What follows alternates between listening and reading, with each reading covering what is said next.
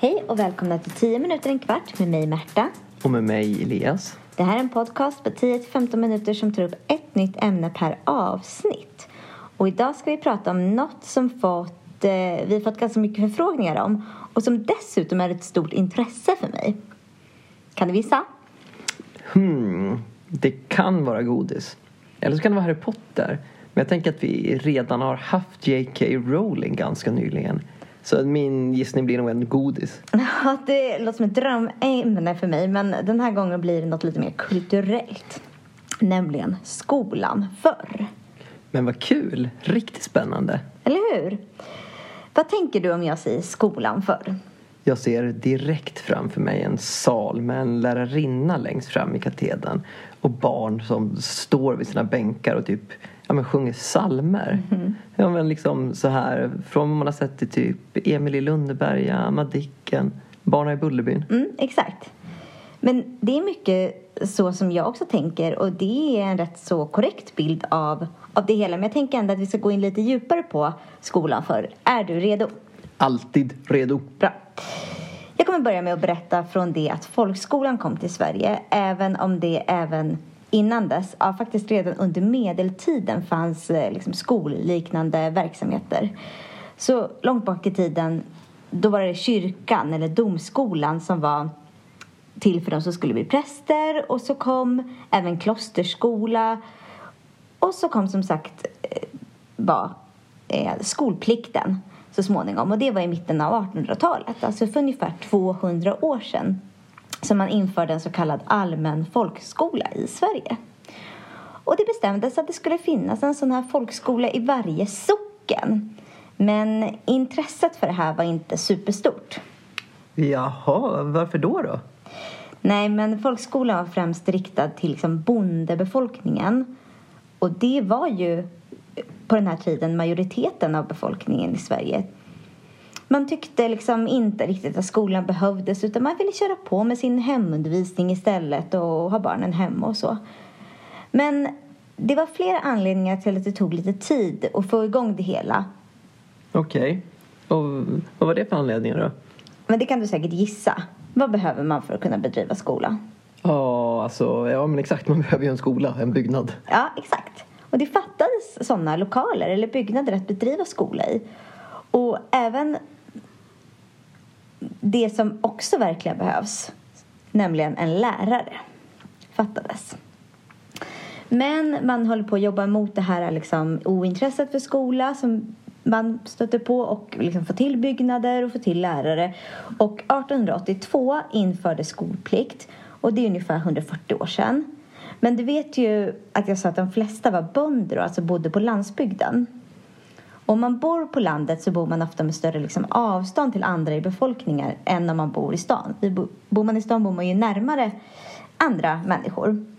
Så varje socken skulle ha en egen skola.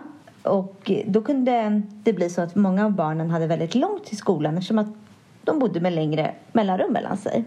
Ja, det kunde ju verkligen vara ett problem i och med att man har ju inga skolbussar och så vidare på den tiden. Precis, och då så fick man införa mindre skolor och där var det okej att ha liksom oexaminerade lärare. De här mindre skolorna fick ligga ja, men, för de barnen som hade väldigt långt till den här större sockenskolan helt enkelt. Men förutom folkskolor så la man också till småskolan Ah, Okej, okay. och vad är en småskola då? Men det var för de yngre barnen och folkskolan var när man blev lite äldre så de yngre typ årskurs 1-2. Okej, okay, okej, okay. som ett litet lågstadie då? Exakt. Men vi ska byta fokus lite och prata om ämnen, lekar och regler. Åh, oh, vad kul! Mm. Men som jag sa, sko små skolan var ungefär när man var, gick årskurs 1 och 2. Så man började skolan när man var ungefär sju år. Okej, okay, men det är ju nästan, eller det är ju samma som det är nu då? Ja, precis. Och man undervisades som idag i både praktiska och teoretiska ämnen. Eh, och de här teoretiska ämnena var bland annat läsning, skrivning, alltså dagens svenska kan man säga, räkning, alltså dagens matematik, kristendomskunskap. Och nu har vi ju kristendom i skolan men vi har ju också många andra religioner. Historia, medborgarkunskap var ett ämne. Geografi, naturlära, rättstavning, välskrivning, teckning, uppförande, Eh, sång och musik, skolkök, gymnastik med lek och idrott, simkunskap, syslöjd, träslöjd. Så många av de här ämnena liknar ju de som vi har idag men att de har liksom utvecklats. Och precis som, som är som i svenskan, att det var liksom välskrivning, eh, skrivning, läsning så eh, har det nu blivit ett ämne som kallas för svenska. Ja, exakt. Eh, och just välskrivning det blir ju mindre och mindre aktuellt eftersom man mest skriver på datorn. Jag tänkte på det där medborgarkunskap. Det mm. måste ju vara lite som dagens samhällskunskap mm, Precis så tänker jag med. Men det är ju liksom lite svårt att veta exakt vad de lärde sig. Eh, men det kan man ju verkligen forska mer på. Det finns ju säkert jättemycket dokumenterat eh, om det.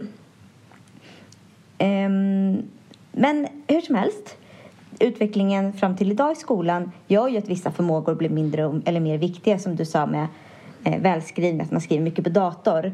Eh, det gör ju att man liksom kanske inte behöver lägga lika mycket timmar i skolan på att träna sin handstil även om det ändå verkligen fortfarande är viktigt för att man, man skriver trots allt för hand då och då. Ja, jag kommer ihåg när, vi gick, eller när jag gick i skolan. Mm. Då hade vi sådana här skrivstilsböcker mm. som vi fick öva skrivstil i. Mm. Precis, och nu så tror jag att det är kanske inte så många som tränar skrivstil i skolan. Eh, men det finns ju fortfarande på vissa skolor vet jag. Men du vet att det är annat som skiljer sig i skolan. Lärarna fick bestraffa barnet på en helt annat sätt. Alltså aga? Delvis. Men innan vi kommer in på det ska jag bara nämna det här med ordning och uppförande en gång till kom jag på. Det var alltså inte ett ämne, men det var ändå något man fick betyg i. Och då, I vissa skolor så hade eleverna faktiskt en bok som lärarna skrev i varje vecka och där läraren då berättade för föräldrarna, en slags kommunikationsbok med föräldrarna, hur eleven hade betett sig. Åh, oh, vad läskigt. Hade boken ett namn eller? Typ så här, Svarta boken? Ja, men det kallades ofta för anmärkningsbok. Rektorn kunde ju också skriva där om han hade varit riktigt olydig. Men det har säkert funnits olika namn på olika skolor, tror jag. Med aga då. Det var alltså tillåtet för läraren att slå elever. Att aga, det, det är att slå. Eh, och på vissa skolor försökte man undvika det här och då eh, liksom, använde man helst inte aga som bestraffningsmetod. Men var man riktigt olydig då kunde man faktiskt få byta till en så kallad strykklass. Usch. Ja, alltså jag bara antar att man får riktigt mycket stryk om man går i en strykklass. Ja, men det var i alla fall säkert okej okay att ge, dela ut stryk så att säga. Läraren hade en pekpinne för och den användes ofta för om man då gjorde fel för att slå eleverna på fingrarna. Och det kunde vara om man har glömt en bok eller penna eller, eller kom för sent eller någonting. Och om de hade gjort något lite värre så fick man vända på handen så slog de med handflatan för att det gjorde ondare. Eh, man kunde också, läraren kunde också placera en penna mellan elevernas fingrar och klämma åt så att det skulle göra ont i fingrarna verkligen. Och fanns det ju också en ytterligare nivå. Om man hade varit ännu olydigare fick man ta sig strumpor och skor, eh, sitta på en stol och så kunde läraren piska då eleven på fotsulorna vilket ju gör, kan jag tänka mig, väldigt, väldigt ont. Eh, annat var att man kunde få stå på, tå, eh, på ett ben med ansiktet mot väggen och armarna upp eh, liksom för att hånas då. Eller så kunde man hånas genom att klassen blev eh, beordrade att ropa liksom Fy skäms du klassens sämsta eller någonting, någonting annat ganska förnedrande, väldigt förnedrande. Men nu skrattar man ju men det här låter ju, alltså det låter fruktansvärt. Ja men man skrattar ju för att det är så knäppt. Det är så svårt att tänka sig att en lärare säger åt en klass att ropa åt en elev Fy skäms du klassens sämsta. Ja det är, det är fruktansvärt alltså. Ja det är det. Men det var helt enkelt annorlunda förr. Ja, exakt. Men lunchen då? Eh, var den också annorlunda förr? Eller? För nu för tiden så klagas det ju en hel del på skolmaten. Men var maten verkligen bättre förr? Ja, det skulle jag inte säga. Man hade ju med sig egen lunch och det var ju ganska många barn som levde fattigt och kanske hade med sig lite potatis, någon sill och en liten brödbit och så fanns det ju... Ja, så det var ju rätt så enformigt att äta lite sill och potatis till lunch varje dag. Sill och potatis är inte så jättekul om man äter sju dagar i veckan. Mm. Men de som hade lite bättre ställt då, hade de bättre mat? Ja, smörgås med pålägg. Pålägg var ju lyx. Så smörgås med då pålägg och kanske en flaska mjölk, mjölk var en liksom vanlig matsäck att ha till lunch. Men jag tänker även att vi ska berätta lite om vilka lekar man lekte. För trots att man blev bestraffad och fick äta en liten potatis till lunch så behövde man ju ändå leka. Ja men säg, berätta om lekarna. Mm. En, en lek hette Sista paret ut. Eller Enkelleken. Och det är faktiskt en lek som jag har stött på i skolorna nu för tiden också. Så att vissa av er som lyssnar på det här kanske leker Sista paret ut ibland. Det går i alla fall till så att deltagarna ställer sig på en lång rad och i spetsen så ställer sig ett ensamt barn som är då själva jägaren.